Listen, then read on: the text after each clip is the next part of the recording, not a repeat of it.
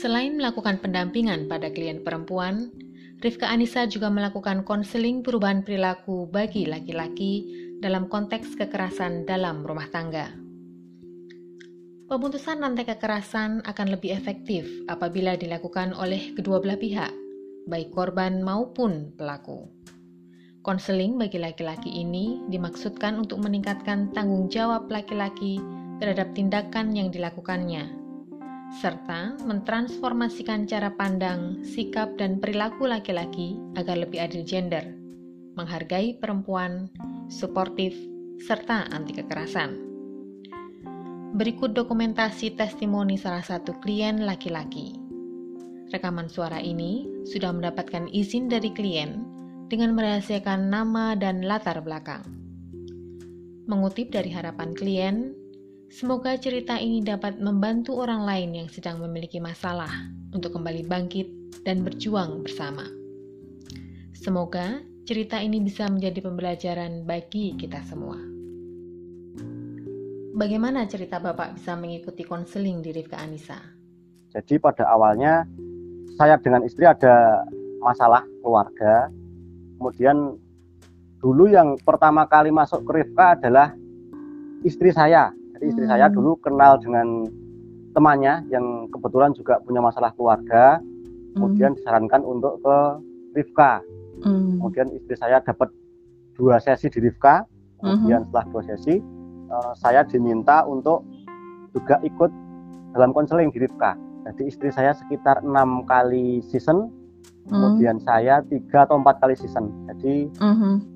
ini dulu dimulai sekitar bulan Februari Maret 2019. Boleh Bapak ceritakan apa saja yang dibahas dalam sesi konseling?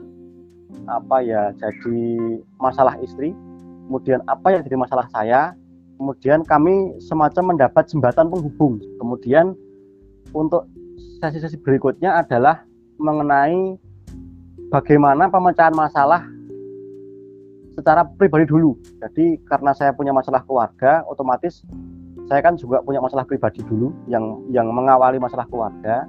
J? Kemudian masalah tersebut di, dikupas. Kemudian bagaimana cara cara saya untuk menyelesaikan masalah pribadi dulu kemudian hmm. bagaimana cara saya untuk pengendalian diri, kemudian hmm. bagaimana untuk saya untuk bisa kemudian nanti bisa enak ngobrol dengan keluarga, hmm. kemudian bagaimana caranya nanti saya juga bisa dengan istri menemukan yeah. titik terang, hmm. titik temu terbaik untuk untuk kelangsungan keluarga kan seperti itu. Jadi, jadi setelah ada ada konseling tersebut sangat sangat membantu saya adalah waktu itu saya diberikan semacam ilmu je yeah. ilmu bagaimana untuk untuk untuk saya itu tidak kemudian membawa semua masalah itu ke dalam keluarga. Hmm. Jadi namanya keluarga itu mestinya ada kurang, ada kelebihan. Jadi kurang hmm. lebih itu bagaimana saya bisa mengcover sendiri. Kalau memang hmm. di rumah itu nanti ada permasalahan yang berat ya kita sejenak berhenti dulu di di tempat yang yang nyaman, yang hening, kita bisa bersantai dulu untuk menenangkan diri baru kita nanti yeah. masuk ke dalam rumah tangga. Apakah Bapak sempat dipertemukan dengan istri dalam sesi konseling? Sendiri-sendiri punya ini Mbak, punya apa namanya nih, punya kesepakatan. Jadi ada konseling dari Rifka apa pun itu nanti kita kemudian sharing berdua apa yang harus kita lakukan, apa yang harus kita selesaikan untuk memperbaiki keadaan keluarga hmm. dan seperti itu. Dari semua sesi konseling, sesi apa yang paling berdampak bagi Bapak? Untuk saya itu yang memang benar-benar merubah saya adalah sesi pertama itu memang karena saya juga awalnya kan saya merasa sendiri ya Bu ya. Oh, saya sendiri. Kemudian saya bertemu Pak Sabar kan kemudian saya merasa punya apa ya? punya punya teman lah, punya tempat sampah ibaratnya untuk untuk membuang segala unek-unek gitu. Segala unek-unek. Kemudian di sana saya mempunyai semacam percaya diri yang baru tumbuh lah untuk untuk hmm. menyelesaikan masalah keluarga yang sudah bertahun-tahun itu menjadi polemik dalam hmm. kehidupan saya kan seperti itu. Hmm. Kemudian yang yang membuat saya lebih tenang lagi adalah bagaimana saya di, tadi diajarkan bagaimana saya bisa mengendalikan diri, saya hmm. bisa mengendalikan emosi, bagaimana saya bisa pulang dengan senyum kan seperti itu. Jadi tidak semua masalah itu dijadikan masalah keluarga. Hmm. Kalau memang okay. bisa diselesaikan sendiri ya, ya kenapa harus harus marah-marah dengan keluarga kan seperti itu. Bagaimana cara Bapak menerapkan prinsip saling menghargai dalam pengasuhan anak? Kalau sekarang ini justru saya merasakan keluarga ini kayak teman, Mbak. Oh, Jadi kalau Nggih, kalau dulu kan nuwun sewu kita masih dengan prinsip ego masing-masing nggih. Saya juga masih dengan dengan prinsipnya dulu orang Jawa, bojo kudu ngene ngene ngene ngene. Kemudian istri saya juga namanya suami itu harus harus ini ini ini ini. Itu dengan dengan temperamen sendiri-sendiri nggih, dengan dengan kemauan sendiri, dengan Hmm. keinginan sendiri, mungkin juga dengan kesibukan kerja masing-masing nggih. Dan Hmm. kadang-kadang saya, saya juga ba- membawa masalah pekerjaan ke rumah ketika saya banyak masalah istri Mhm. istri apa agak agak crowded gitu kemudian terluaplah emosi seperti itu. Jadi membuat Mhm. masalah makin makin Mhm. rumit. Kalau yang saya saya rasakan sekarang justru keluarga ini seperti apa ya? Seperti teman lah. Jadi Hmm. ketika saya bertemu dengan istri dan anak-anak pun juga kadang-kadang enak santai itu loh mbak. Jadi nggak ada lagi istri saya harus harus manggil harus manggil saya apa papa harus manggil papa, saya papa apa mas atau apa enggak. Jadi panggilan itu pun juga sekarang lebih enak. Kadang-kadang juga sangat enak sekali. Kadang-kadang juga Bali jam piro bro kan seperti itu jadi kan apa ya makin enak lagi seperti Oh, itu makin laras, makin, laras. makin makin terbuka seperti itu Kalau dari sisi pengasuhan, bagaimana peran Bapak dalam pengasuhan anak? kalau dibandingkan dulu kan anu ya mbak ya seperti saya kan juga kerjanya shift Oh, nggih. kemudian istri juga kerjanya shift jadi kalau dulu kan seperti apa ya sering lempar tanggung jawab Oh, nggih. jadi apa namanya anak itu seperti beban Hmm. jadi ketika capek sama-sama capek nanti ketika anak ada problema Hmm. nanti anak-anakmu toh kan seperti itu ya anakmu toh ya anakmu toh kan seperti itu nah untuk yang sekarang ini tadi kembali kembali saya sampaikan jadi kami berusaha apa ya membuat lingkungan keluarga ini Hmm. lebih terbuka Hmm. jadi jadi ketika anak pun juga ketika anak punya kemauan ini malah kami dorong dulu mbak yo. Itu kemauan mulai jadi biar caramu lah kowe iso garap dewi seperti itu nah, Hmm. nanti baru di belakang nanti kita sama-sama kalau memang sudah kerjanya selesai nanti bagaimana kita bisa bersama-sama untuk kembali mengulang kembali apa yang harusnya dikerjakan apa yang harusnya oh kudunya ini loh Li, kudunya seperti ini loh Li. Jika Bapak merefleksikan kembali pengalaman di masa lalu, bagaimana Bapak memandang penyelesaian konflik di dalam keluarga? mungkin seandainya pun saya kembali ke masa lalu dengan keadaan yang carut marut Hmm. mungkin mungkin lebih siap secara bekal bekal bekal ilmu berkeluarga kan juga saya juga Hmm. sudah Pak kalau sekarang juga sedikit banyak sudah banyak tahu lah contohnya sekarang lah kalau kalau dulu sebenarnya nih mbak Ngi, kalau dulu ibarat saya pulang kerja saya telat pulang mungkin nggih, Nggih. ada lemburan saya telat pulang itu pak itu pasti yang keluar dari dari dari istri saya adalah janjane kowe iki ngopo seperti itu kemudian Hmm. jadi jadi arah yang melebar melebar melebar melebar melebar Hmm. jadi nggak taruhan Nggih. nah pun juga saya ketika istri saya nanti pulang capek kemudian di rumah nggak ngapa-ngapain ini wong wedok ngopo lah anakmu ini kok ora tok gawe kan seperti itu sudah jadi nggih. polemik lagi tapi untuk sekarang ketika ketika istri pulang dengan keadaan wajah yang nggak menyenangkan Hmm. justru saya diamkan mbak jadi mau tidur ya silahkan mau ngapa-ngapain ya silahkan mau nyanyi karaoke teriak-teriak juga silahkan apa ya ketika sudah apa Hmm. ketika sudah ada waktu malam atau berkumpul dalam satu ruang Mhm. itu nanti baru kita mulai ngobrol jadi ono apa toh, Nduk? kan seperti itu jadi lebih lebih lebih ringan lah Hmm. nggak terus kemudian nggak terus kemudian menjadi sebuah masalah baru kan. Kapan terakhir kalinya Bapak keras-kerasan dengan pasangan? sebelum konseling mbak jadi setelah Oh. konseling jadi setelah konseling ini kami benar-benar apa ya namanya inilah Hmm. kita sama-sama menilai diri lah mbak jadi dulu selama konseling ini kami dulu awalnya malah punya kesepakatan untuk sendiri-sendiri dulu jadi untuk saya juga tidur sendiri walaupun serumah ya saya juga tidur sendiri itu juga tidur sendiri kemudian ketika bersama-sama kami hanya ngobrol saja mbak Hmm. kami hanya ngobrol ringan saja yang kemudian ketika nanti sudah beranjak ke kepada masalah yang lebih berat Mhm. kami kami ber- berupaya untuk segera mengakhiri obrolan jadi jangan Hmm. sampai kemudian muncul lagi masalah-masalah baru Apa harapan Bapak tentang relasi keluarga yang ideal? Kami ingin berubah, Mbak, dari jadi dari dari, dari Mm. dulu yang kami punya ego masing-masing, gitu. Hmm. Jadi kita punya apa ya? Punya semacam patokan lah, yang jenenge bojo iki kudu ngene. Sing Nggih. jenenge- Semacam istri saya yang namanya suami itu harus seperti ini. Namanya anak itu juga harus seperti ini. Nah, setelah kita dari Rifka, kita kita juga mendapat banyak ilmu, gitu.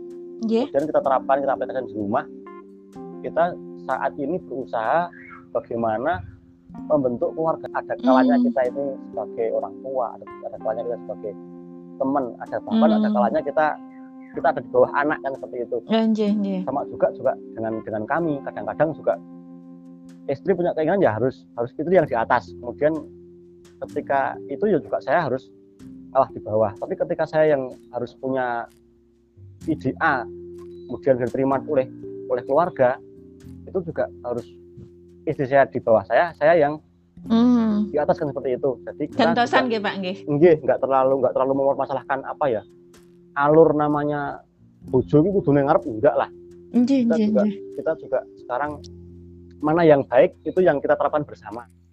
Mengapa Bapak sebagai laki-laki bersedia mengikuti konseling? Dulu dulunya kan memang memang memang saya ini pengen punya keluarga mbak. Hmm. Jadi nuwun sewu saya ini berasal dari keluarga yang amburadul. Oh, makata. Kemudian istri juga dari keluarga yang amburadul. Hmm. Kan seperti itu. Jadi waktu itu saya ini dengan dengan penuh keniatan itu karena saya saya nggak mau gitu loh mbak. Hmm. Anak-anak saya ini merasakan apa yang pernah saya rasakan kan seperti itu. Oh, motivasinya kuat Jadi- sekali berarti, Pak. Ya, jadi kemudian saya dengan istri kan juga apa namanya kita punya keputusan bersama kalau memang masih ingin bareng yuk ayo lah kita bareng-bareng Rifka Anissa percaya bahwa sebagaimana perilaku itu dibentuk melalui proses belajar dan pembiasaan, maka perilaku juga bisa diubah melalui proses belajar dan pembiasaan yang positif. Di antaranya dengan mengajak laki-laki untuk memahami dirinya sendiri, berkomunikasi secara efektif, mengelola marah, membangun relasi intim dan setara, menjadi ayah atau fatherhood, dan menghindari perilaku kekerasan. Dengan begitu, relasi dalam rumah tangga, ayah, ibu, dan anak menjadi lebih sehat karena komunikasi lebih positif, mampu mengelola emosi, dan saling menghargai. Perubahan perilaku pada laki-laki atau suami ini turut membantu dalam upaya penghapusan kekerasan dalam rumah tangga. Berikut testimoni klien perempuan atau istri terkait dampak perubahan perilaku suami dan kemanfaatan konseling pasangan yang dirasakannya. Tadi suami ibu bercerita tentang konseling yang dijalaninya dan perubahan positif yang dirasakan. Nah, menurut ibu, perubahan apa yang ibu rasakan setelah suami mengikuti konseling? Perubahan yang saya rasakan setelah suami ikut konseling itu pada awalnya suami bisa introspeksi diri, kemudian mulai sabar, mulai bisa meredam emosi, kemudian bisa berdiskusi. Eh, berkat konseling juga eh, kami bisa saling merefleksikan diri dengan tidak saling menyalahkan atas apa yang sudah terjadi. Karena semenjak suami memutuskan untuk mau dan ikut dalam konseling, kami sudah berniat untuk uh, menyelesaikan masalah ini dengan baik uh, dan mencari jalan yang terbaik. Dari perubahan-perubahan tersebut, perubahan apa yang paling ibu rasakan? Perubahan yang paling saya rasakan itu suami saya lebih menghargai saya, menganggap saya itu ada.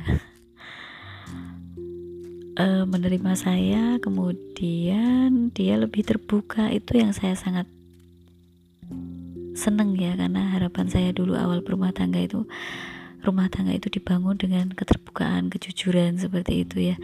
Uh, saya juga merasa sekarang ini lebih sering curhat atau cerita ke suami daripada ke teman-teman saya.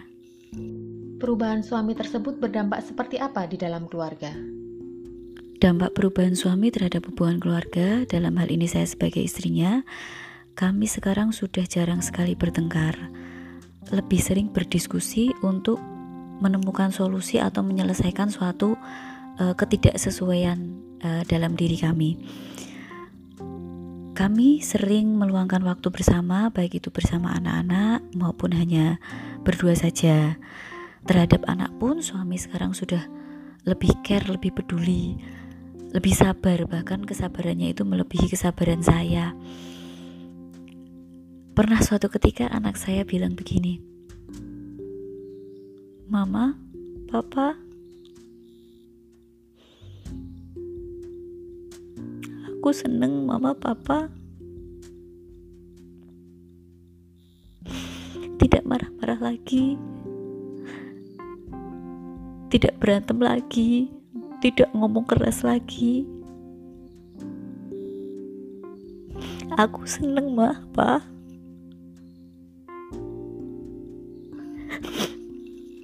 ini sangat sangat membekas dalam diri saya. Dalam diri kami. Karena apa yang sudah terjadi ternyata sangat berpengaruh pada psikis mereka dan ini juga untuk evaluasi saya semoga ini menjadi yang pertama dan yang terakhir untuk mereka dan tugas saya sekarang bersama suami memperbaiki psikis mereka supaya mereka tidak mengingat hal yang sudah terjadi kemarin. Bagaimana perasaan ibu terhadap perubahan positif dari suami? Perasaan yang saya rasakan dengan perubahan suami itu yang jelas saya merasa bersyukur. Saya merasa lebih nyaman, lebih tenang dari sebelum-sebelumnya. Karena pada saat mengalami masalah itu, saya sudah sempat ingin menyelesaikannya saya merasa bahwa apa yang sudah terjadi itu tidak bisa dimaafkan. Namun alhamdulillah saya bertemu dengan Rifka Anissa uh, sehingga kami bisa dibantu untuk berproses menjadi pribadi yang lebih baik dalam mengarungi rumah tangga ini. Jika konseling pasangan ini dirasa bermanfaat, apa saran ibu untuk Rifka Anissa? Saran untuk Rifka Anissa, Semoga Rifka Anissa dapat selalu konsisten untuk terus bisa membantu pasangan yang bermasalah atau yang sedang berkonflik untuk mendapatkan solusi atau bantuan penyelesaian yang terbaik. Karena menurut saya, saya sendiri sudah mengalaminya eh, dengan adanya konseling dua pihak, suami dan istri ini sangat sekali terbantu dan sangat sekali uh, berefek bagi rumah tangga kami penyelesaian dari dua sudut yang berbeda untuk disatukan dan pada akhirnya dapat menemukan solusi uh, penyelesaian yang terbaik untuk rumah tangga. Karena saya rasa kalau saya yang konseling sendiri atau suami saya konseling sendiri tidak akan memperoleh hasil yang sesuai atau yang terbaik begitu. Penyelesaian dari dua sudut yang berbeda untuk disatukan dan pada akhirnya dapat menemukan solusi yang terbaik bagi rumah tangga.